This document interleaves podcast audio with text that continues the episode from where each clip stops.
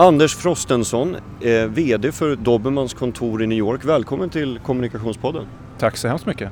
För dig som är lite mer lojal lyssnare och har följt oss eh, under det året vi har hållit igång så är du kanske lite ovan vid rumsmiljön här. Vi brukar ju ofta sitta i en studio men nu är det lite annat som händer runt omkring oss. Anders, vill du berätta var vi är mer specifikt? Ja, vi sitter på en liten sluttning på gräsmattan utanför Nordic House i Austin, Texas och det är South by Southwest-konferensen som pågår runt omkring. Ja, helt fantastiskt. Ehm, och eh, för, för nio år sedan började du på, på Dobermann. Ehm, var hade du kommit ifrån innan?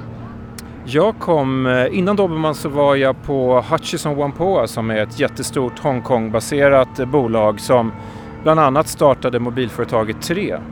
Så jag jobbade på 3 i Sverige och även för 3 globalt eh, med säte i London. Och eh, hur, hur, gick det till då? När, när, varför blev det just Dobermann som du, som du kom till?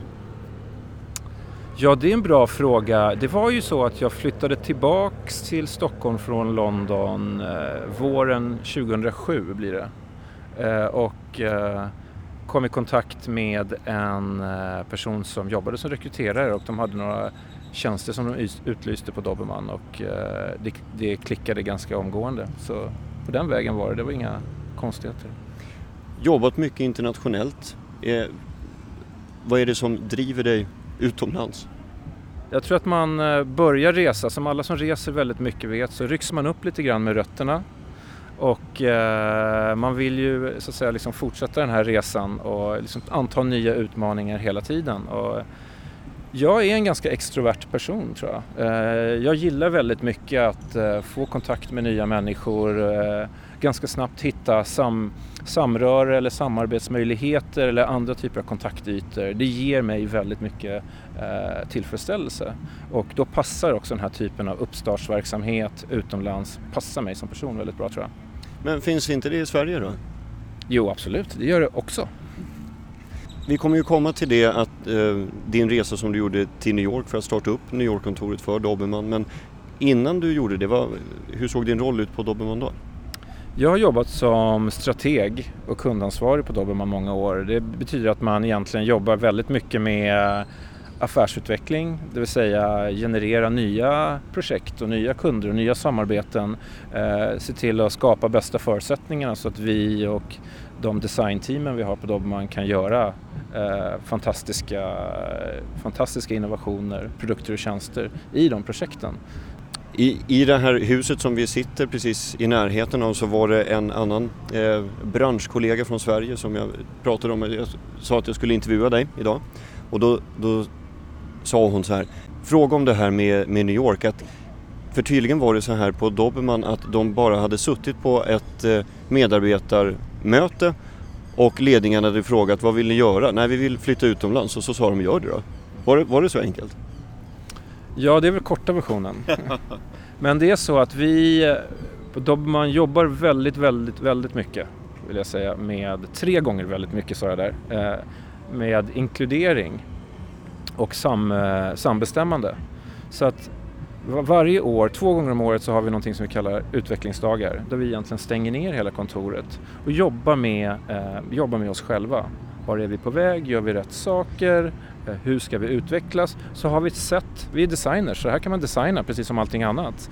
Eh, ett sätt att verkligen inkludera alla medarbetare oavsett om man är strateg, eh, front-end-utvecklare eller projektledare eller vad det nu må vara. Så det var under en av de här utvecklingsdagarna som temat på internationalisering kom upp. Då jobbade vi ganska intensivt med det under ett par dygn tillsammans. Eh, alla, vi kanske var 60 personer på den tiden. Eh, och eh, utkomsten av vad det var egentligen så här, ja, vi vill växa internationellt. Vi tror att vi är redo för det. Alla tycker att det är väldigt spännande. Sen hade vi lite svårt att identifiera direkt var på kartan ska vi då så att säga, växa och, och hur. Kommer vi vara samma typ av byrån Dobermann eller ska vi starta någon annan form av verksamhet som passar bättre på en annan marknad? Så det där var väldigt, ett väldigt utforskande, ett väldigt prototypande som pågick där. Men det landade i att vi eh, ganska snabbt kunde tillsammans eh, och göra egentligen med en fysisk röst i rummet. Man får ställa sig i vänster eller höger hörn egentligen. Så här, ska vi åka till västkusten och försöka öppna ett kontor för Dobermann där eller ska vi åka till östkusten, det vill säga New York och öppna ett kontor där? Så röstar vi. Uh, och det är på den vägen är det. Och, uh, de flesta röstade för New York. Mm. Och då tog vi det beslutet tillsammans. Då åker Anders till New York och så prototypar vi det. Vad, vad var de största argumenten skulle du säga då för att uh, välja just den staden? Hur, hur gick tankarna? När vi stod inför valet mellan västkust och östkust så eh, gjorde vi lite en analys av det kan man säga. För och nackdelar strategiskt, marknadsmässigt, den typen av design som vi gör och hur ser konkurrensen ut. Så tittade vi på det och det var väl ungefär, väger ganska lika. Västkusten eh, för oss har ju med sin eh, mjukvaruutveckling och startupkultur sedan 30-40 år tillbaka en väldig förståelse för den typen av design som vi gör och innovation. Så det tänkte vi, det är ju bra. Men å andra sidan så är ju alla de stora byråer och bolag som jobbar med den typen av design och innovation redan där. Så vi blir en liten fisk i en ganska stor damm. New York har ju som tradition mera, jag tror mer media, Eh, fashion, eh, finans, andra typer av verksamheter där de är världens center. Kanske inte riktigt den här typen av design vi gör, så där tyckte vi att det fanns det faktiskt ett, eh, ett liten lucka kan man säga. Den andra komponenten handlar om människor. Var vill människor vara? Så när vi gjorde en sån snabb röstning tillsammans på Dobermann i Stockholm så var de flesta, röstade de flesta för New York. Och då fick man göra en sån ögonblicksröstning, man får, man får rösta med, med magkänslan. Men när man efteråt frågar lite så här, varför röstar du på New York versus eh, västkusten? Här, ja, men jag tror att det är för att där skulle jag vilja bo hellre. Okej, okay, bra. Det är en väldigt tydlig indikator när man ska rekrytera, man ska få föra över folk, man ska flytta kanske med sina familjer. Då gäller det att vara på en plats där folk faktiskt vill bo. Och varför fick det bli just du då som, som eh, fick förtroendet att starta upp kontoret? Ja, det var väl också eh, en ganska öppen, eh, öppen process där vi tittade på, det fanns nog flera olika kandidater men jag tror att jag kanske, det var en timingfråga. Jag har nog rätt personlighet och jag jobbade också med ganska mycket med global affärsutveckling för Dobermann och hade den erfarenheten innan sen jag jobbat i, eh, utomlands. Så jag tror att det var, eh, det valet föll sig ganska naturligt där och då. Det var inte så att du var bra på judo, utan det var, det var erfarenheten som talade? Jag är ganska bra på judo också. Okej, okay. men du, du, du, behövde inte, eh, eh, du behövde inte traktera den kunskapen där och då? Nej. Nej, just det. Hur var det då? För det är fyra år sedan, 2012, så landade du då med din familj vad jag förstår i, i New York. Eller kom du dit själv först? Hur såg det ut? Ja precis, jag kom, jag kom själv först. Det var ju så att vi tog det här eh, beslutet allihopa tillsammans, hela byrån i Stockholm. Och ganska direkt därpå så bokade vi bara biljetter och åkte över. Det är en ganska sån tydlig approach vi har. Vi kommer lära oss det här genom att vi gör det. Vi kan inte planera så mycket mer i detalj. Så jag och eh, Lisa Lindström från Dobermann och andra kollegor åkte över en första resa helt enkelt. Och eh, det man gör det är att man, eh, man kontaktar folk man har i sitt nätverk och ber det nätverket kontakta andra människor. Och så ser man till att generera så, så många möten man bara kan och sen presenterar man sin, sitt företag, vi presenterade vår portfolio, vad vi gjort och att nu kommer vi hit och så frågar man om två saker. Kan du hjälpa oss med jobb? Har du någon feedback och råd på hur vi ska ta oss vidare? Mm. Du får det att låta så enkelt, Anders. var, var, det verkligen så enkelt? Nej, det var jättesvårt. Ja.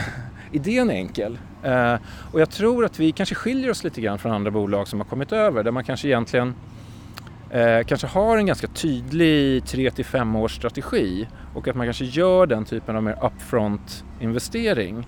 Eh, och sen kanske man tar, skickar hem det jobbet som man genererar, de projekten, så görs de på gamla huvudkontoret i Sverige. Vi ville flytta över en studio, en verkstad och göra saker direkt på plats. För det är så vi lär oss. Ehm, så vi egentligen tog och implementerade vår idé kring hur man designar saker. Där man måste skissa och prototypa först och sen gör man om och gör rätt. Det gjorde vi också när vi byggde bolag här. Så eh, det handlar väldigt mycket om att få mycket kontakt med människor, få väldigt mycket introduktioner, visa hur bra vi är eh, och eh, få folk intresserade.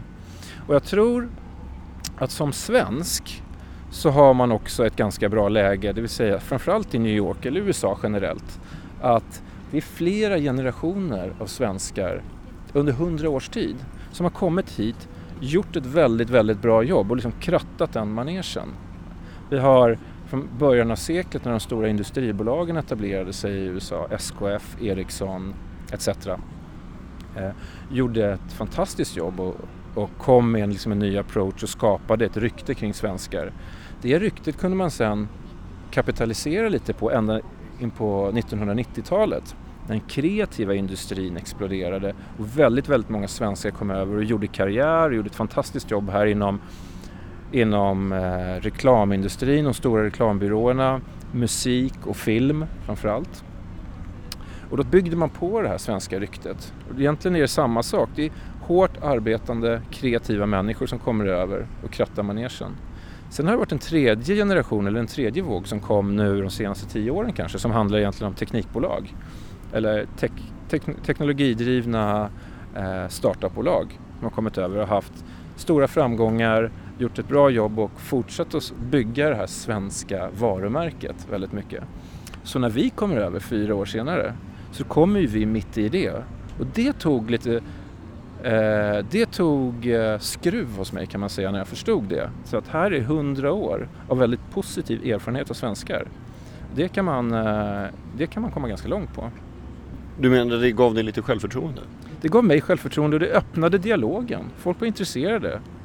Man behöver inte framställa sig som speciellt svensk utan det räcker med att säga vi är en designbyrå, vi är från Sverige eh, eh och jag tror att i USA så är man också, det sitter i kulturen här att man vill verkligen hjälpa någon som kommer hit och startar någonting från scratch. Det är väl liksom lite the American dream. Fantastiskt, här kommer en person, hon kommer över, ska starta någonting eh, från grunden eh, och är entusiastisk, en smula naiv och liksom positiv energi så klart vi ska hjälpa den här personen. Så det var väldigt mycket. Antingen så kunde vi få eh, prata mer konkret uppdrag eller sådär, How can I help? Och det första som amerikaner hjälper till med och som, är, som också var en stor lärdom för mig i början, det är introduktioner. Personliga introduktioner all affärsutveckling, all business bygger på personliga relationer, eh, även i Sverige. Men i USA har man gjort det till en konstform. Det är skillnaden. Så jag kommer så mycket väl ihåg när jag fick eh, min första introduktion gjord för mig så att säga. Då eh, hade jag träffat några personer som sa ah, kan, du, kan du göra några introduktioner? Jag behöver träffa, få kontakt med människor i den här, den här branscherna. Absolut, jag kan göra det.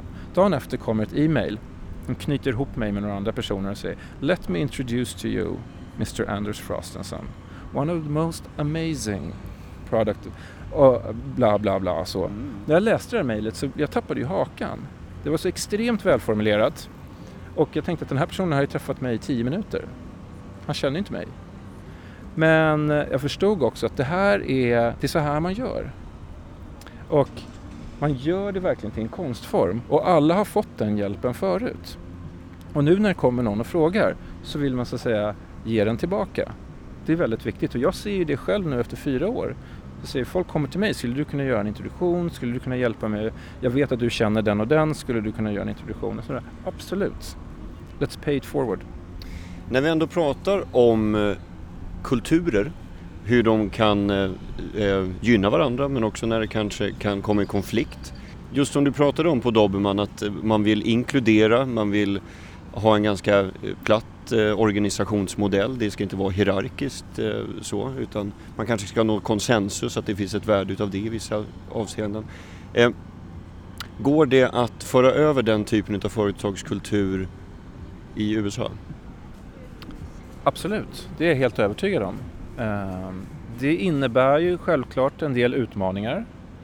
Ehm, och eh, framförallt när man är som byrå som vi i grund och botten är en konsultverksamhet med kunder så eh, måste vi också ha respekt för eller att åtminstone vara, ha en känslighet för den typen av organisation vi jobbar med som kanske är en mer traditionell eh, och mer hierarkisk organisation och då får ju vi anpassa oss såklart efter deras behov Eh, men eh, så som vi jobbar och så som vi vill driva vår byrå i New York och så som vi vill driva själva bolaget framåt så är det ju väldigt, väldigt mycket konsensusdrivet och väldigt, väldigt inkluderande.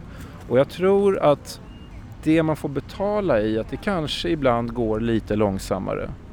Det kanske ibland tar lite längre tid att ta vissa beslut eh, och det kan ha sina konsekvenser. Det får man igen. Det får man betalt i att man skapar en arbetsplats där folk faktiskt verkligen vill vara.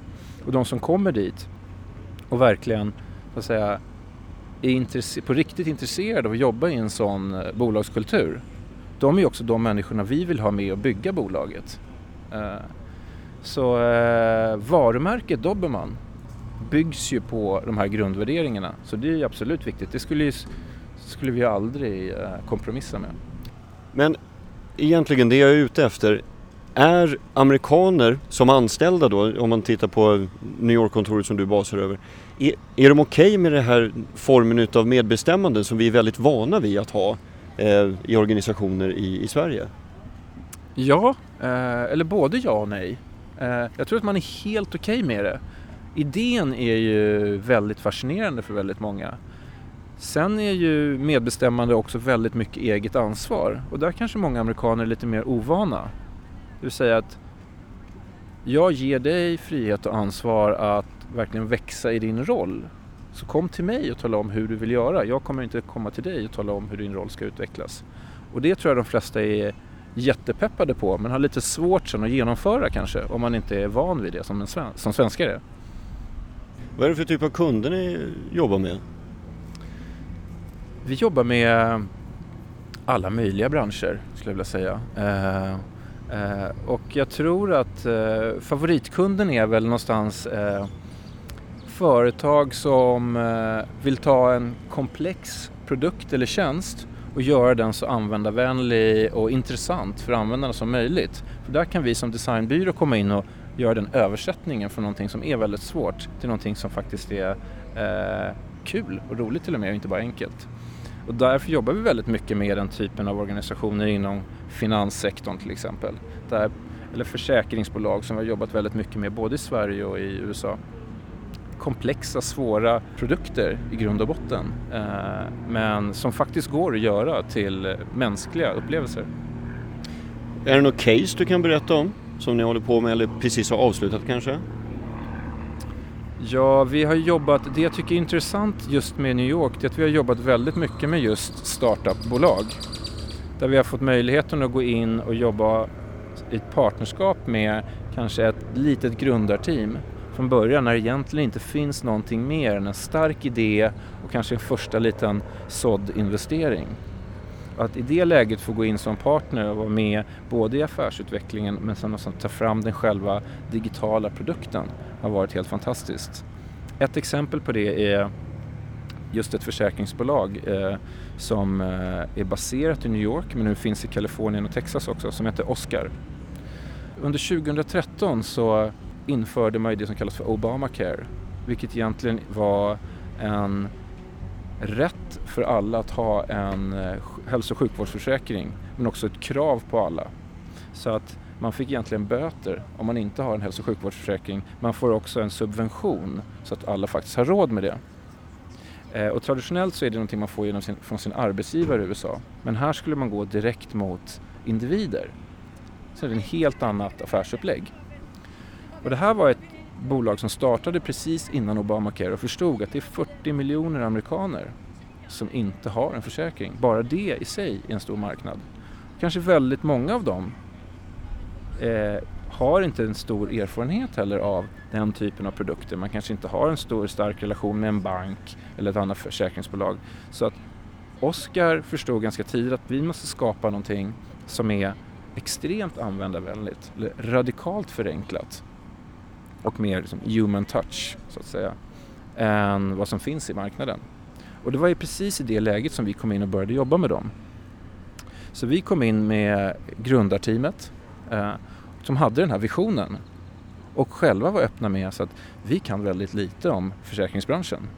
Men vi kan väldigt mycket om kundupplevelse. Och så gick vi in och så designade vi hela den digitala produkten då, vad som händer i webb, mobil eh, och tablet etc. Och det var en helt fantastisk resa för att vårt designteam satt ju i samma rum som affärsutvecklingsteamet och grundarteamet och tillsammans funderade på hur ska den här affären faktiskt fungera. Så det vi gjorde i design informerade ju också hur man tänkte kring själva affärsutvecklingen. Det var en väldigt, väldigt speciell, eh, speciellt projekt för oss som vi har lärt oss extremt mycket. Sen har vi jobbat med ganska många olika startups sedan dess men Oscar var ju verkligen där vi fick lära oss att jobba liksom under skinnet på en startup-organisation med allt vad det innebär. Dobermann i Stockholm har funnits i 17 år ni har, eh, och ni har haft närvaro nu i New York i fyra år så har vi konstaterat. Om du ska blicka ut mot horisonten Anders och liksom se vad som händer runt hörnet. Vad, vad tror du Dobermann kommer befinna sig om ett år, om tre år? Jag tror att vi, vi befinner oss i en ganska intressant fas i vår utveckling just nu där vi liksom är kärnan i att vara en väldigt liksom designdriven or, eh, organisation och fortfarande vara en designbyrå så utvecklar vi vidare massa koncept kring det. Så vi jobbar väldigt mycket med organisations träning, skulle jag vilja säga. Att vi lär andra människor, andra organisationer det vi har lärt oss under 17 år. Vi har en ganska stor verktygslåda av metodik och approacher och erfarenhet kring hur man faktiskt kan jobba mycket, mycket mer designorienterat. Så det gör vi väldigt mycket. Det är väldigt roligt att se att vi verkligen gör mer och mer av. Där vi nästan har blivit som en managementkonsult. Fast vi gör utifrån ett väldigt starkt Eh, kundperspektiv och designperspektiv. En annan sak som är, jag tror att vi gör mer och mer är att vi kommer att engagera oss i partnerskap mer och mer med startup-företag och startup-organisationer där vi kan jobba som byrå och liksom komma in med den, de 17 år av erfarenhet av att designa produkter som vi har men också gå in i ett lite mer långsiktigt partnerskap. Det kan betyda delägande, det kan betyda strategisk rådgivning, det kan betyda annat. Där ser vi också väldigt mycket hända. Och det är erfarenheter vi har gjort i både USA och Stockholm som, eh, som ger oss den möjligheten det är superspännande. Anders Frostenson, som, där vi sitter uppflugna på ett brunnslock under en koltrast här eh, i Austin, Texas. Stort tack för att du ville vara med i Kommunikationspodden. Tack så hemskt mycket själv.